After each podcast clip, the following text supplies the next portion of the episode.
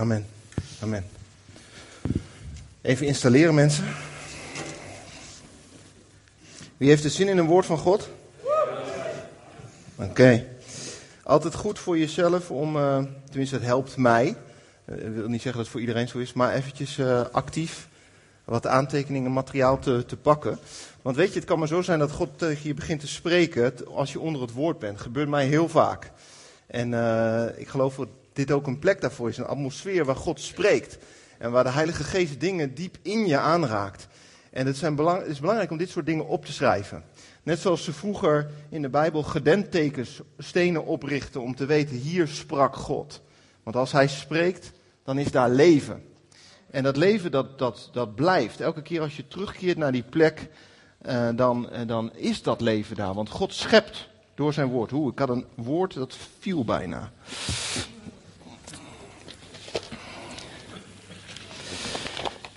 Ik ga vandaag met jullie nadenken over um, de tactieken van de vijand om ons uit onze bestemming te houden. Vorige keer hebben we het gehad over um, neem in wat God je geeft. Hebben we het gehad dat in de hemel was het al bepaald, alleen je moest het nog innemen, het beloofde land. En dan zag je dat de tegenstander allerlei tactieken heeft om uh, te zorgen dat jij dat beloofde land niet in gaat nemen. Terwijl God het al gegeven had.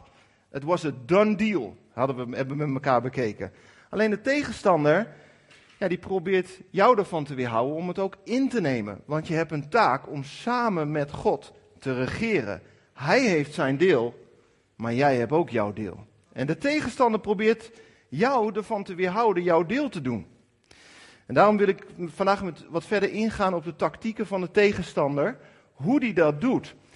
We, we, gaan niet uh, ons focussen op de tegenstander, we gaan ons focussen op het woord van God. Maar we moeten wel weten hoe hij ons misleidt. Het thema wat we hebben dit jaar is Gods kracht en liefde door jou heen. En het gaat een stuk beter als je in lijn met God functioneert, dan als je in lijn met de vijand functioneert. Doordat er zodat je onder zijn tactieken bent gekomen. Wat is je doel dan? Nou, je doel, waarom ben je gemaakt? Om God te verheerlijken, om een beelddrager van Hem te zijn, om een ambassadeur van Hem te zijn, om Zijn heerlijkheid op de hele aarde zichtbaar te maken. Daarom ben je gemaakt, tot glorie van Zijn naam. En de duivel heeft daar zo'n hekel aan als jij in jouw bestemming gaat lopen.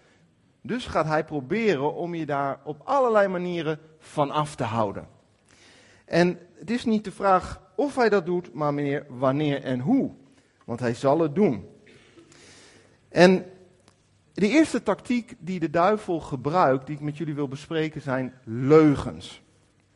In Johannes 8, vers 44 staat: De duivel wilde vanaf het begin de mensen doden. Hij is niet te vertrouwen want er is geen waarheid in hem. Hij kan niet anders dan liegen en hij zorgt er ook voor dat mensen liegen. En weet je, het eerste ding waar de tegenstander over begint te liegen is jouw identiteit. Wie ben je nou eigenlijk? Ken je dat? En dan sta je hiervoor, zoals ik nu. Denk ja, wie ben ik nou eigenlijk? Ken dat? De tegenstander doet het altijd. En juist als je je plek begint in te nemen, de roeping die God op je leven geeft, als je de kinderen mag leiden, of je mag de aanbidding leiden, of je in je baan pak je iets aan, wie ben jij eigenlijk? Hij valt je identiteit aan. Wie ben je nou eigenlijk? En weet je, dat gaat niemand van ons voorbij. We zijn allemaal op momenten in ons leven zijn we onzeker. En dat is logisch, omdat we nog niet alles gedaan hebben. In je tienertijd ben je onzeker, in je kindertijd ben je onzeker. Als je volwassen bent en het nieuws gaat doen, ben je, ben je weer onzeker. En dat is helemaal niet gek. Maar er zijn wel vaak momenten dat de tegenstander probeert twijfel te zaaien over wie je bent, over wat je koers is. En daarom is het goed dat we daarop ingaan. Het gaat aan niemand voorbij, zelfs aan Jezus niet. Je ziet, Jezus begint zijn bediening op het moment dat hij 30 jaar is. En dan komt de duivel in Matthäus 4. En de verzoeker kwam bij hem, bij Jezus, en zei: Als u Gods zoon bent, zeg dan tegen deze stenen dat ze broden worden. En in vers 6, en hij zei tegen hem: Als u de zoon van God bent, werp uzelf dan naar beneden, want er staat geschreven dat hij zijn engelen voor u bevel zal geven en dat zij u op handen zullen dragen. Wat je ziet is dat er gebeurt, is dat hij de identiteit van Jezus als de zoon van God in twijfel trekt. Als dat dan zo is, hij trekt het in twijfel. En we kunnen heel erg veel leren van de reactie van Jezus. Want in de, hoe Jezus met dingen omging, ligt ook vaak als oh, schatjes. Hè? Ze doen heel, heel voorzichtig om niet te storen, maar ze storen nooit de lieverd. We kunnen heel erg veel leren van de reactie van Jezus. Want zoals Jezus met dingen omgaat, zo willen wij ook met dingen omgaan. En er staat hoe hij reageert, vers 4. Maar Jezus antwoordde: In de heilige boeken staat: Alleen van brood kan een mens niet leven. Maar hij leeft van elk woord wat God spreekt. En in de tweede keer reageert Jezus. Maar Jezus zei: In de heilige boeken staat ook dit. Je mag de Heer je God niet uitdagen om zijn macht te bewijzen. Als je één ding onthoudt van het woord van vandaag, is het. Maar een mens leeft van elk woord wat God spreekt. De bron van het woord is zo immens belangrijk. Want je ziet dat de duivel zelfs de Bijbel, Gods woord, kan aanhalen. En als jij niet helemaal uh, lekker in de schrift bent, dan kun je hem misschien niet tegenspreken. Maar je weet wel de bron. Als hij Gods woord begint te citeren, luister je erin. Sowieso. En daarnaast is het ook echt belangrijk om het hart van Gods woord te kennen. Want je doorgrondt hem alleen maar. Jezus doorgrondt omdat hij zegt: Je zit me uit te dagen. Je zit me uit te dagen. Dit is niet een woord uit God. En hij weerlegt het met een ander woord. Weet je, een woord van God is voor ons ten leven. Ik, ik begon er al eigenlijk al mee. Want in dat woord zit zijn scheppingskracht. Je moet bedenken, God sprak. Er zij licht en er was licht. Zo schept God met zijn woord. En daarom is er leven in zijn woord. Jesaja 55 zegt dat het woord van God niet um, krachteloos is en dat het niet zonder zijn doel te treffen terugkeert. Vorige keer hebben we ook even aangehaald, als de, uh, de Joden het, het, beloofde land ingaan, dan gebeurt er van alles. Kunnen we zoveel lessen uit leren. En in nummer 13, 13 staat een stukje, en eh, er komen de verspieders terug, en dan met name de tien die, die niet zo'n mooi bericht hadden. En die zeiden, wij hebben ook reuzen daar gezien. Daar hebben we het vorige keer ook even over gehad. Reuzen staan vaak over de dingen tegen de, uh, voor de dingen waar je tegenop ziet in je leven. Drempels soms zijn dat drempels die door de tegenstander opgeworpen worden, maar soms zijn het ook gewoon drempels in je karakter die je moet overwinnen. Maar we hebben er ook reuzen gezien, nakomelingen van Enak, afkomstig van de reuzen. wij waren in onze eigen ogen als sprinkhanen. En zo waren wij ook in hun ogen. En soms, laten we even heel eerlijk zijn tegen elkaar. Soms ben je in je eigen oog best wel als een sprinkhaan. Dan denk je, ja, hoe kan ik dit nou? Ik kan dit helemaal niet zelf. Dan voel je je klein. En dat hebben we allemaal. Dat we op ons, sommige momenten ons klein voelen. En de tegenstander gaat die momenten in je leven gebruiken om erin te tappen. Zeg, ja, zie wel, je kunt het ook niet. En het wordt ook niks met jou. En dan is het zo belangrijk dat wij ons geloof opheffen en het woord van God wat ten leven is tot ons gaan, gaan nemen. Want Psalm 8 vers 6 zegt dat wij bijna goddelijk gemaakt zijn door God. Hoezo ben je niemand? Houd toch op joh. Ik ben bijna goddelijk gemaakt. Genesis zegt dat ik een beelddrager ben van de Almachtige God. Hoezo ben ik niemand? Waar heb je die informatie vandaan? Romeinen 8, vers 37 zegt dat ik meer dan overwinnaar ben in Jezus. Hoezo ben ik niemand? Waar heb je die informatie nou weer vandaan?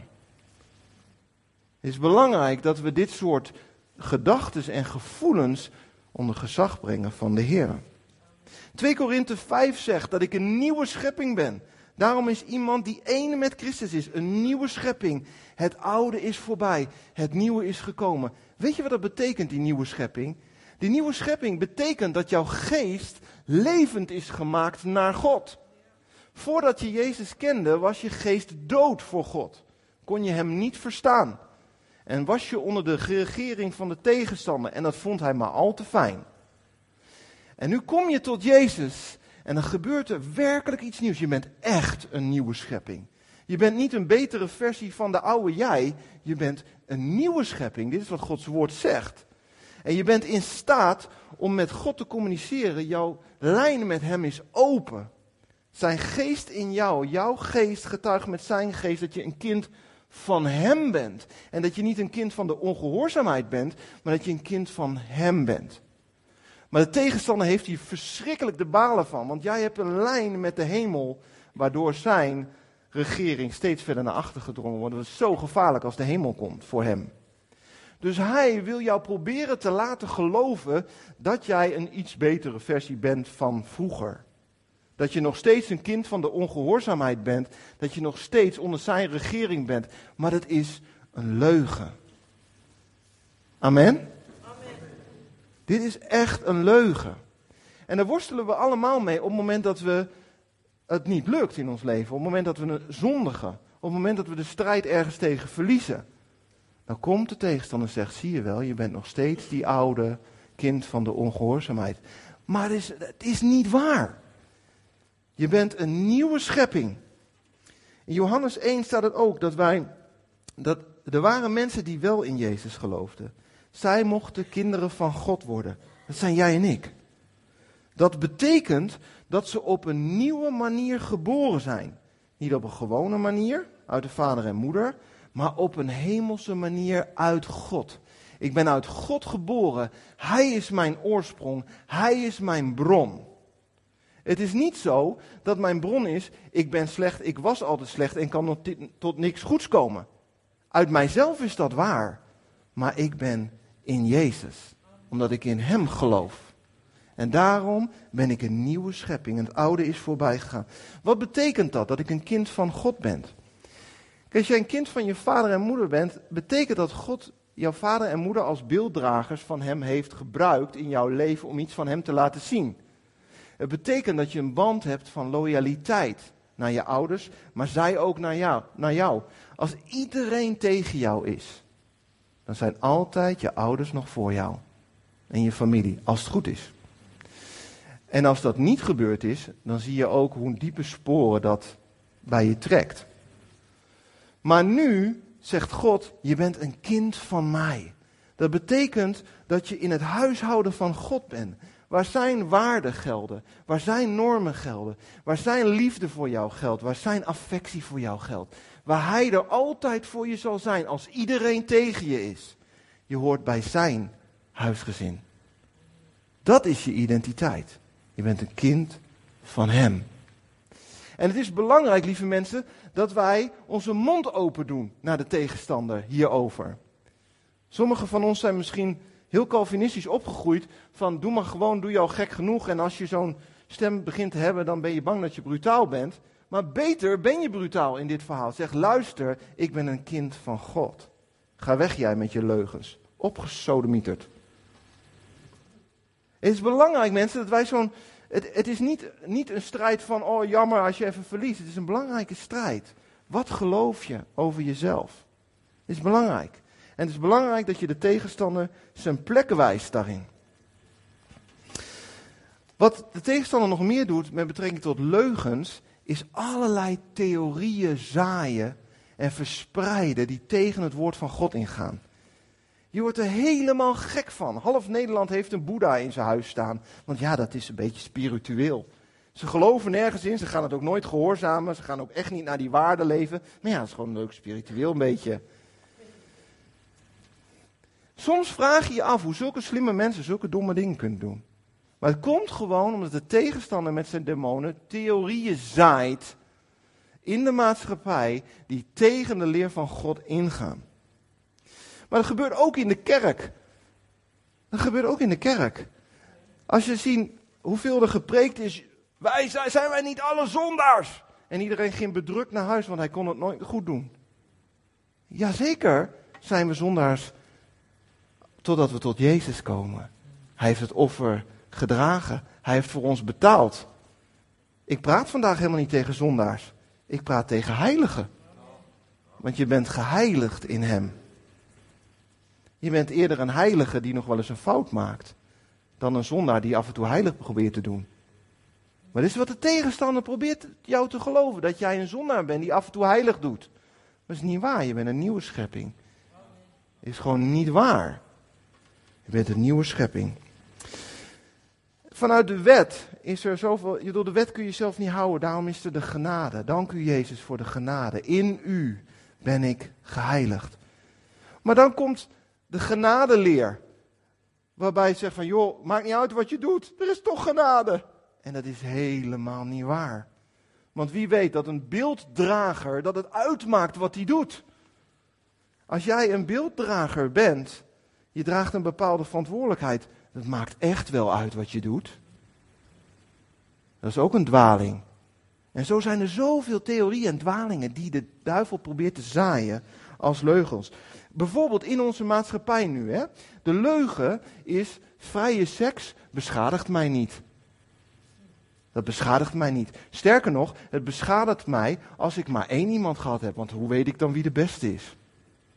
Totale leugen van de tegenstanders. En een hele generatie gaat eraan kapot. Want ze hebben zich verloren aan zoveel mensen. Terwijl Jezus zegt, je bent zoveel waard. Dat er alleen iemand van jou mag genieten binnen een verbond wat voor altijd geldt. Maar de duivel zegt, dat is bekrompen joh. Je moet wat proberen, je leven is van jou. Weet je wat nog zo'n stomme leugen is? Een ongeboren mens is eigenlijk geen mens. Het is een vrucht. Het is een foetus. En daarom kan je het gewoon doodmaken. En dan is het geen moord. En je hoort de meest slimme mensen dit gewoon verkondigen. Ik heb nog nooit gezien. De mensen zijn, zeggen zulke domme dingen terwijl ze zo slim zijn. Dat is de invloed van de tegenstander die hun brein heeft fuzzy heeft gemaakt. Mijn wil, mijn geluk zijn belangrijker dan verbonden zijn met de mensen om mij heen. Als ik dat even niet meer trek, dan, nou, dan, dan ben ik er klaar mee. Maar God heeft je gemaakt om in verbondenheid te leven. Weet je, je hoeft het nieuws maar aan te zetten of je hoeft een talkshow maar te, te volgen en je ziet waar we allemaal mee bezig kunnen zijn. Leugens ook in je hart en in je denken. De Bijbel zegt dat wij vernieuwd moeten worden in ons denken en dat is hard nodig. Arena heeft er vorige keer over gesproken, weet je nog, met die fijne leuke bril.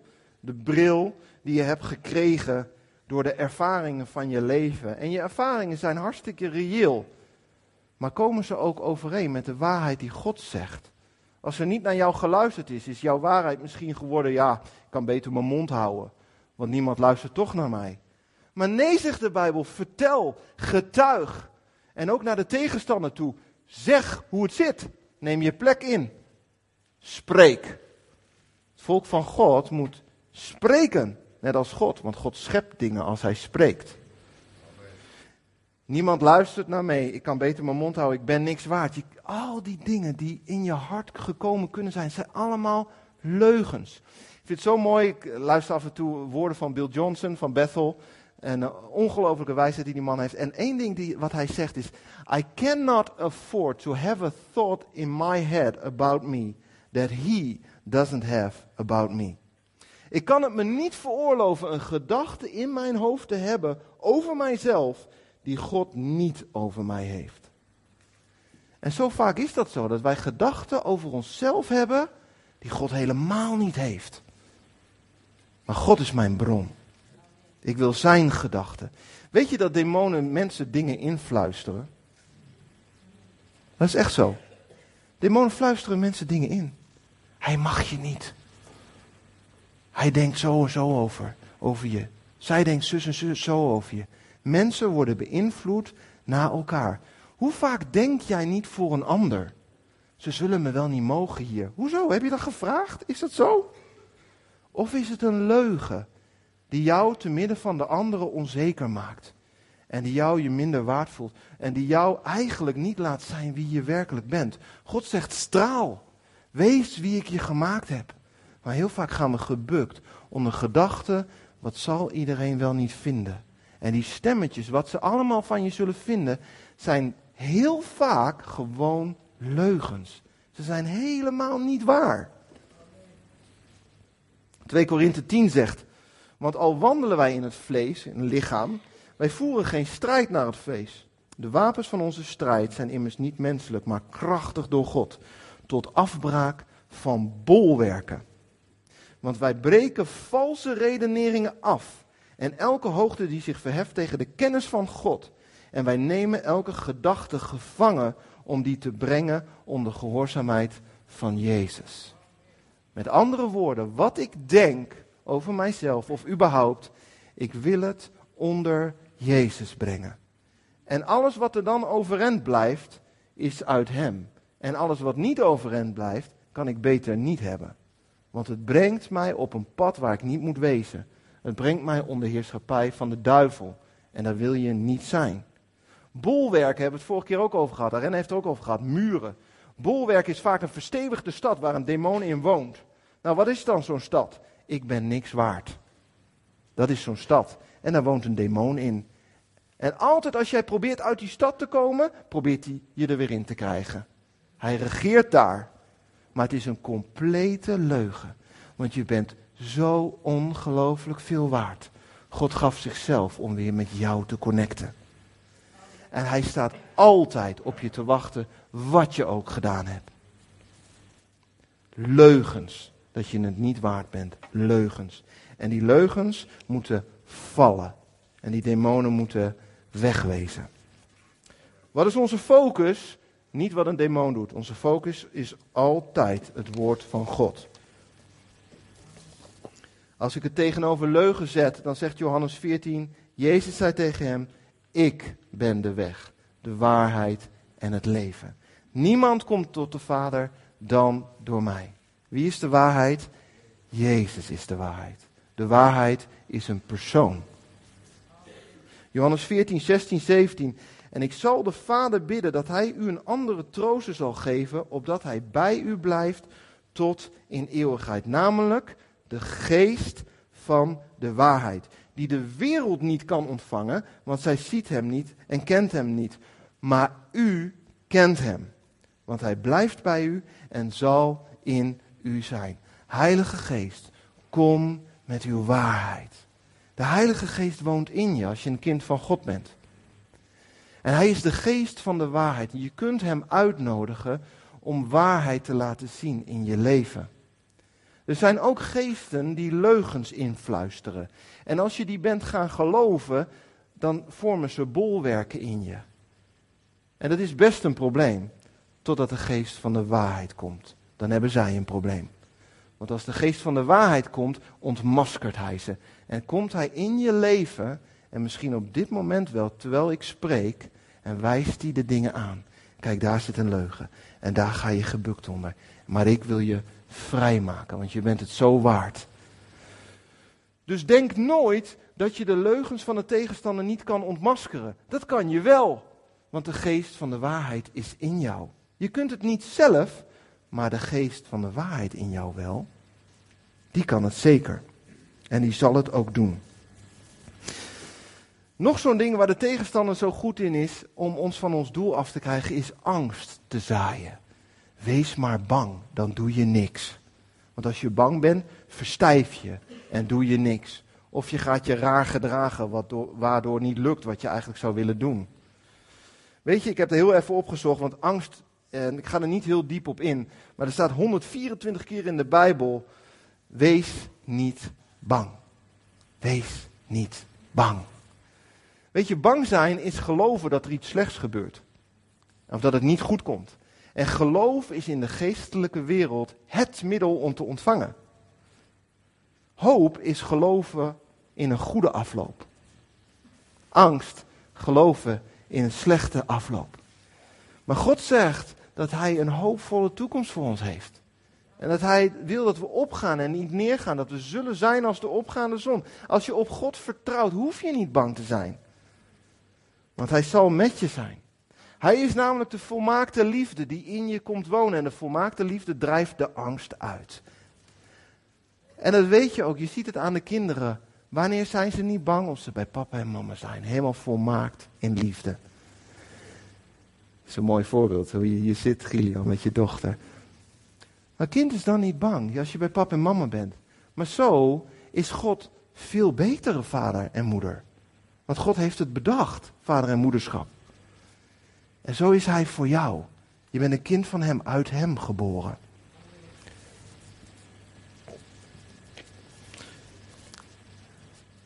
Laatste punt, nee, niet het laatste punt, ene laatste punt. Verleiding. Verleiding is een gigantische tactiek van de tegenstander om ons van ons beeld af te houden. Om ons ervan af te houden beelddrager te zijn van hem. Hij verleidt je. Dat deed hij vanaf het begin al, hè? De slang verleidde Eva om te luisteren naar hem in plaats van naar God. Opnieuw, de stem van God is ten leven. Als je ziet, um, het was mooi dat hier geboden voorgelezen werden. Want als de Israëlieten het beloofde land intrekken, daar waarschuwt de Heer ze telkens over de afgoden. Want telkens worden ze verleid om iets anders belangrijker te vinden dan God. Om iets anders als hun bron te hebben dan God. Dat is eigenlijk afgoderij. Als je een bron boven God hebt. Als je meer put uit iets anders dan uit God. Dan is dat belangrijker geworden dan God. Dus een afgod. Hij zegt tegen ze: sluit geen verbond met de volken die afgoden dienen. Trouw niet met hen. De invloed die daar is van die goden, roei het uit. Want het heeft de mogelijkheid jou van het leven af te brengen. Colossense 2 vers 8 zegt, pas op dat niemand u als buit meesleept door filosofie en inhoudsloze verleiding. Volgens de overlevering van mensen, volgens de grondbeginselen van de wereld, maar niet volgens Christus. Je kunt zo verleid worden om overal over na te denken. Volg maar een talkshow, waar zijn ze allemaal mee bezig soms? Jongen, jongen, daar moet je allemaal over nadenken. Je wordt gewoon verleid om overal een mening over te hebben. Terwijl lekker belangrijk. Eh, je ziet tegenwoordig, vroeger hadden we ook zingeloze dingen hoor, eh, als de jongelui, uh, als ze denken dat ik ze beledig. Maar social media. Jongen, jongen, jongen, wat kun je daar een tijd aan kwijt zijn. En wees nou eens heel eerlijk, wat een nutteloze dingen ben je soms aan het doen. Het gaat helemaal nergens over. Als je nou zou, zou moeten opschrijven waar je dan tijd aan besteed hebt. Als je zoveel uur, als je telefoon zegt zoveel uur heb je besteed. Schrijf het eens op. En dat kun je ook met tv hebben en allerlei andere dingen. Het ligt niet aan social media. Het zijn van allerlei dingen die jou, die op zich niet slecht hoeven zijn. Maar die je wel afhouden van wat je ook had kunnen doen. Als God je roept om te regeren, om met mensen contact te hebben om je heen, nou kun je social media gebruiken. Maar je kan het ook zoveel gebruiken dat je niet toekomt aan je bestemming. Dat is de tegenstander die je met ogenschijnlijk onschuldige dingen of dingen die niet fout zijn, helemaal ervan af kan brengen. Of je gaat helemaal op in je werk. Oh, je kan een beelddrager van Christus zijn in je werk. Maar je kan ook zoveel bezig zijn met je werk dat je niet meer bezig bent met de dingen die God je aan het zeggen is. Is het fout om te werken? Nee, het is hartstikke goed. Zo zijn er heel veel dingen die in principe niet fout zijn, totdat je ze verheft boven God. Hij verleidt je daartoe. Dat doet hij actief. Matthäus 13 spreekt over de gelijkenis van de zaaier. En er staat, en bij wie in de dorens gezaaid is, dat is hij die het woord hoort, maar de zorgen van deze wereld en de verleiding van rijkdom verstikken het woord. Dus het woord van God voor jou is tot leven, Alleen omdat je overal zorgen over maakt, komt dat woord niet tot bloei. Of omdat je bezig bent met rijkdom te vergaren en een positie te vergaren, komt het niet tot bloei. Is het dan zo dat God je geen positie wil geven? Wel degelijk. God wil je machtig maken. Een machtig man en vrouw van God. Met heel veel invloed. En als daar rijkdom bij nodig is, gaat hij je dat ook geven. Maar het is wel andersom. Je dient de Heer maar je dient niet rijkdom. Verleiding heeft ook te maken met seksualiteit. Ik wil het heel duidelijk ook noemen. Want je schrik je de blubber als je ziet hoeveel mensen er slaaf zijn van pornografie. Pornografie, pornea, wat eigenlijk afgoderij betekent. Is echt verschrikkelijk. En daarom is het belangrijk, ouders, dat je spreekt met je kinderen over seksualiteit. En beter begin je daar vroeg mee, anders is de wereld je voor. God leert ons om onze kinderen te leren de inzettingen van God. Als je ze waarde van het huwelijk leert, de waarde hoeveel ze waard zijn. En hoe geweldig God seksualiteit heeft gemaakt. Gewoon seks is niet slecht, seks is geweldig, heeft God bedacht. En ik eer hem daarvoor. Ja? Seks is niet vuil, het wordt vuil gemaakt door de tegenstander. Seks is geweldig. Alleen de tegenstander maakt een karikatuur van wat God gemaakt heeft. Weer een leugen. Hij doet het altijd. Weet je dat er mensen zijn die in hun huwelijk gewoon vette seksuele problemen hebben omdat ze aan pornografie zitten? Ze niet eens kunnen functioneren seksueel omdat ze allerlei andere gewoontes hebben die ze geleerd is door demonen. Heftig. Weet je wat de tactiek is om daar onderuit te komen? Weet je wat de Bijbel leert? Vluchten. Wegwezen. Ziet het aan Jozef, die door eh, de vrouw van Potifar verleid wordt. Wat deed hij? Vluchten. Wegwezen. Wat gebeurt er met afgoderij in het beloofde land? Uitroeien, invloed van je weghouden. Je moet die invloed van je weghouden. Dat is heel erg belangrijk. Dat moet je echt doen, want het heeft je te pakken. Weet je hoe makkelijk dat gaat als je. En uh, ik, doe dat, ik vind dat wel eens leuk, hè, als ik gewoon even verstand op nul heb, kijken wat YouTube-filmpjes. Ken je dat? Dat je dan van het ene filmpje naar het andere filmpje gaat, want die heeft allemaal suggesties elke keer. En op een gegeven moment staat er iets tussen wat je ogen prikkelt. En dan heb je een keus. Want je weet, als je klikt, dan ga je door op dat pad. Toch? Of ben ik de enige die dat ziet? Nee, hè? Zien we allemaal, denk ik, hè? Oké, wees je bewust van die verleiding. Want de tegenstander werkt heel erg sneaky. Hij werkt van stapje naar stapje naar stapje en naar stapje. En als jij op trede 5 zit, dan is het al bijna onmogelijk om rein te leven. En als jij nog een paar keuzes verder gaat, het is als ware als je, alsof je steeds weer in een ander universum belandt. Voordat je dan weer naar een rein leven bent. Zonder dat je constant erin gezogen wordt. Dat is echt een ding. Dat is echt een vette macht. Mensen, vlucht van die macht. Want hij heeft je te pakken en hij maakt kapot wat God gemaakt heeft.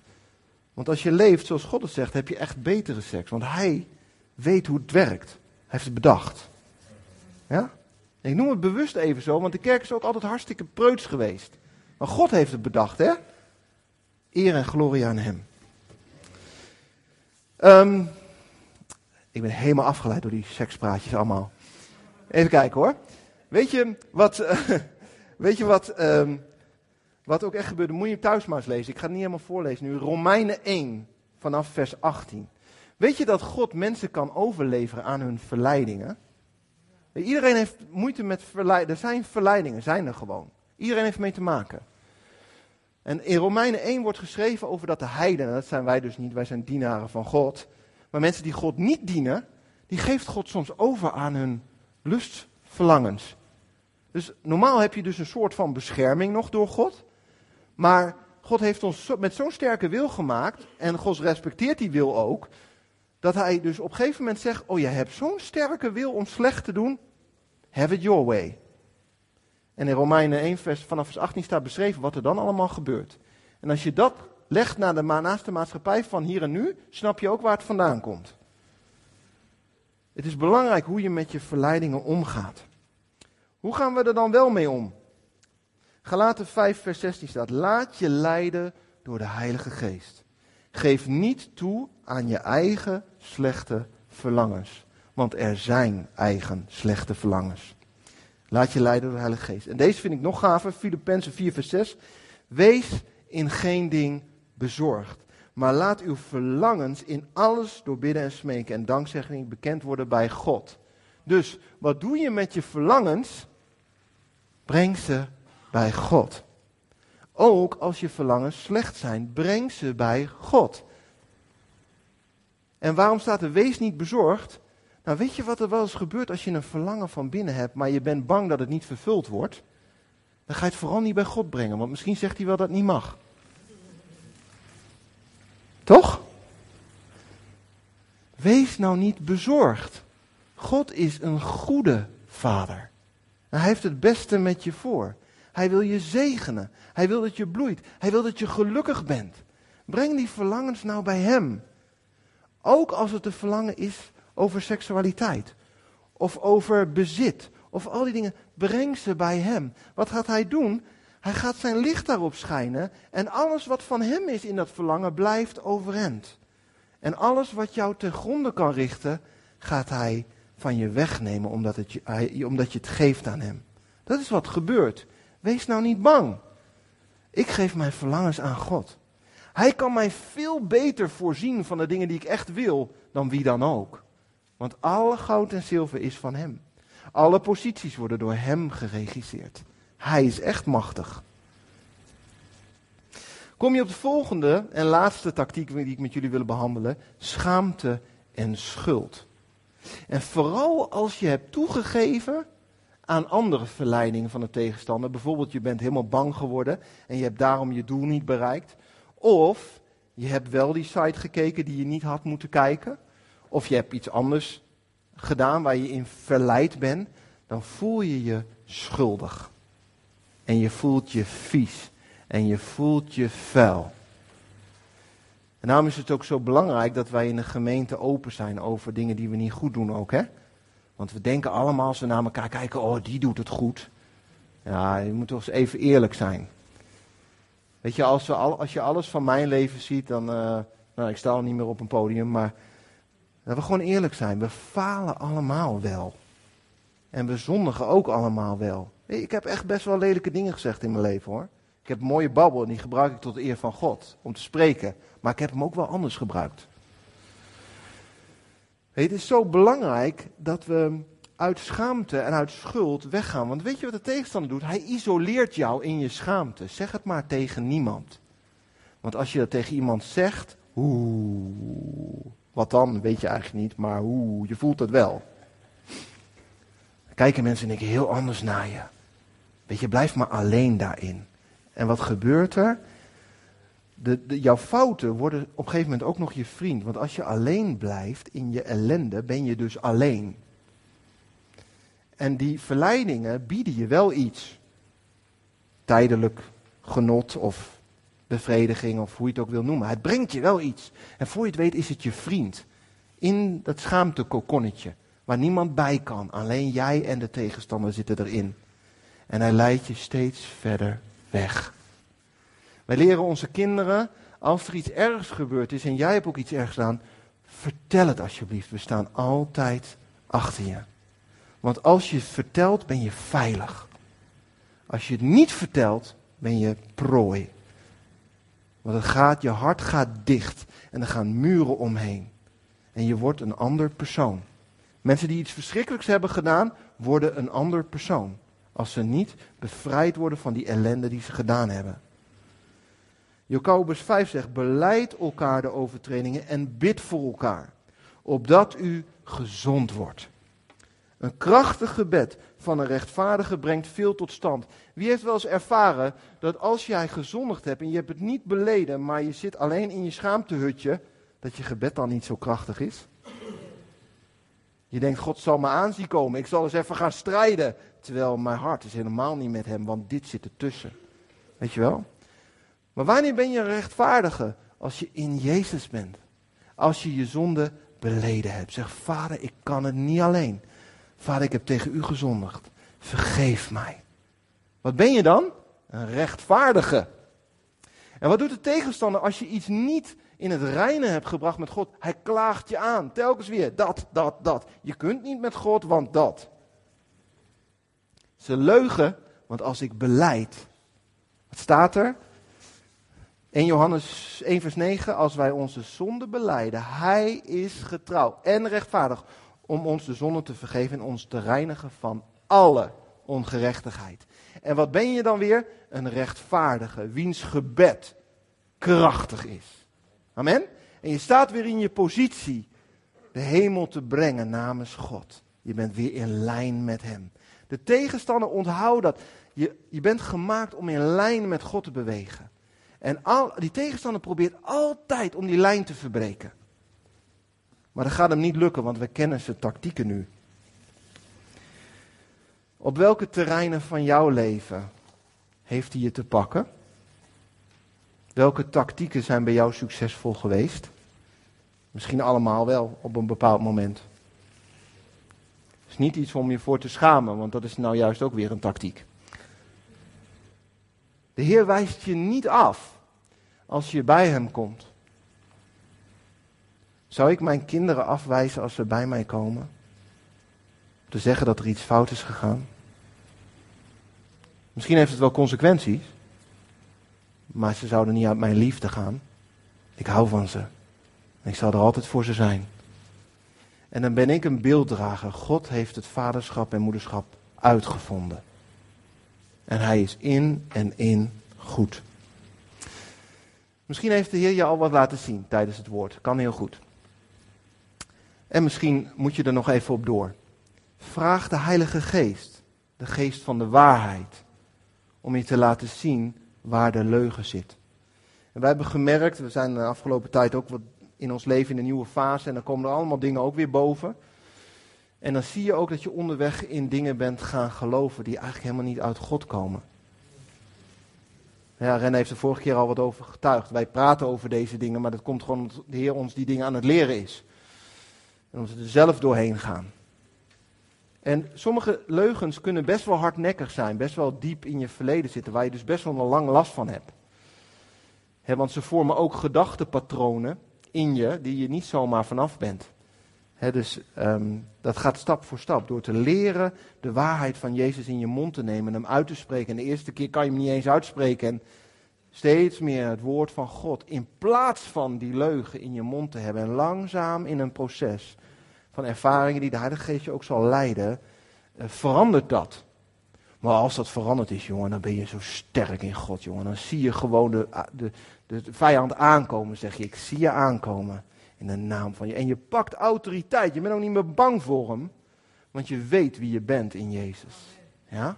En je hoeft niet alles overwonnen te hebben om die plek te pakken. Ik heb nog lang niet alles overwonnen. Maar ik weet wel wie ik ben. En ik vergeet het ook wel weer eens. Maar daarom hebben we elkaar. Om ons er weer op te wijzen wie je bent. Toch? Daarom heb je dit woord van God. Vraag de Heilige Geest de waarheid te laten zien in plaats van de leugen. Ik ga afronden. Matthäus 6, vers 13 zegt: En leid ons niet in verzoeking, maar verlos ons van de boze. Jezus, ik bid dat u ons verlost van de boze. Jezus, ik dank u wel voor de geest van de waarheid vandaag. Die ontmaskert. Ik dank u voor een geest van onderscheid. Die ontmaskert waar de tegenstander zijn slag heeft geslagen. En ik bid Jezus dat u ons verlost van de boze. Want van u is het koninkrijk. Er is geen plek waar de tegenstander mag regeren in ons. Want van u is het koninkrijk. Vader, wij willen dat u op de troon zit. Jezus, we willen dat u op de troon zit. En Jezus, we bidden dat u binnenkomt en dat u al die andere gasten die op tronen zijn gaan zitten, dat u ze eruit gooit. Heer, want u bent de enige echte goede koning. Heer, wij willen u als koning. De kracht is van u en de heerlijkheid tot in eeuwigheid. Jacobus 4, vers 7 zegt: Onderwerpt u dus aan God en verzet u tegen de duivel. Dan zal hij van u vluchten. Jezus, ik dank u. Ik dank u voor uw belofte. Jezus, ik onderwerp mij aan u. Vader, ik onderwerp mij aan u. Heer, ik wil als een kind van u, Heer, wil ik onder uw waarden vallen. Wil ik onder uw gezin vallen. Wil ik onder uw bescherming vallen. Wil ik rugdekking van u hebben. Wil ik dat u, Heer, voor mij bent als iedereen tegen mij is. Wil ik loyaal zijn aan u en u aan mij. En ik sta op tegen de tegenstander. Die in mijn leven zoveel kapot heeft gemaakt al en bezig is. Ik sta op. In de naam van Jezus. En hij zal vluchten. Dank u, Vader. Dank u, Heer, dat u vandaag dingen laat zien en ook bevrijding wil geven. Ik dank u wel, Vader, dat u bolwerken schudt. Dat u gedachten, eh, Heer, dat wij gedachten kunnen brengen bij uw troon, dat we verlangens bij uw troon kunnen brengen. We willen zo graag dat u regeert, Heer. En dat we zullen bloeien als beelddragers van u. Kom, Heilige Geest, en raak ons aan. In de naam van Jezus. Ik wil tot slot deze tekst lezen uit Efeze om te laten zien dat God zo machtig is. Gezegend zij de God en Vader van onze Heer Jezus Christus, die ons, jou en mij, gezegend heeft met alle geestelijke zegen in de hemelse gewesten in Jezus. Dat heeft Hij al gedaan. Ik vraag God of Hij jullie inzicht wil geven. Dan zullen jullie begrijpen dat jullie door Hem uitgekozen zijn om gered te worden. Dat jullie allemaal bij Hem horen omdat jullie christen zijn en hoe geweldig dat is. Dan zullen jullie begrijpen hoe enorm groot Zijn macht is. En dat die macht in alle gelovigen aan het werk is. Met diezelfde grote macht liet God Christus opstaan uit de dood. En hij, gaf hij hem een plaats in de hemel. Christus zit daar nu naast God aan de rechterkant. Christus heerst nu over alle hemelse machten en krachten. Hij is belangrijker dan iedereen in onze tijd en in de tijd die komt. God heeft Christus alle macht gegeven. Hij laat hem heersen over de hemel en de aarde. En dat heeft God gedaan voor de kerk. Want de kerk hoort bij Christus. In de kerk is Christus nu al volledig aanwezig, zoals hij eens in alles vol aanwezig zal zijn. Lieve mensen, Jezus is hier en hij heeft alle macht. Amen. Je mag zo nog komen.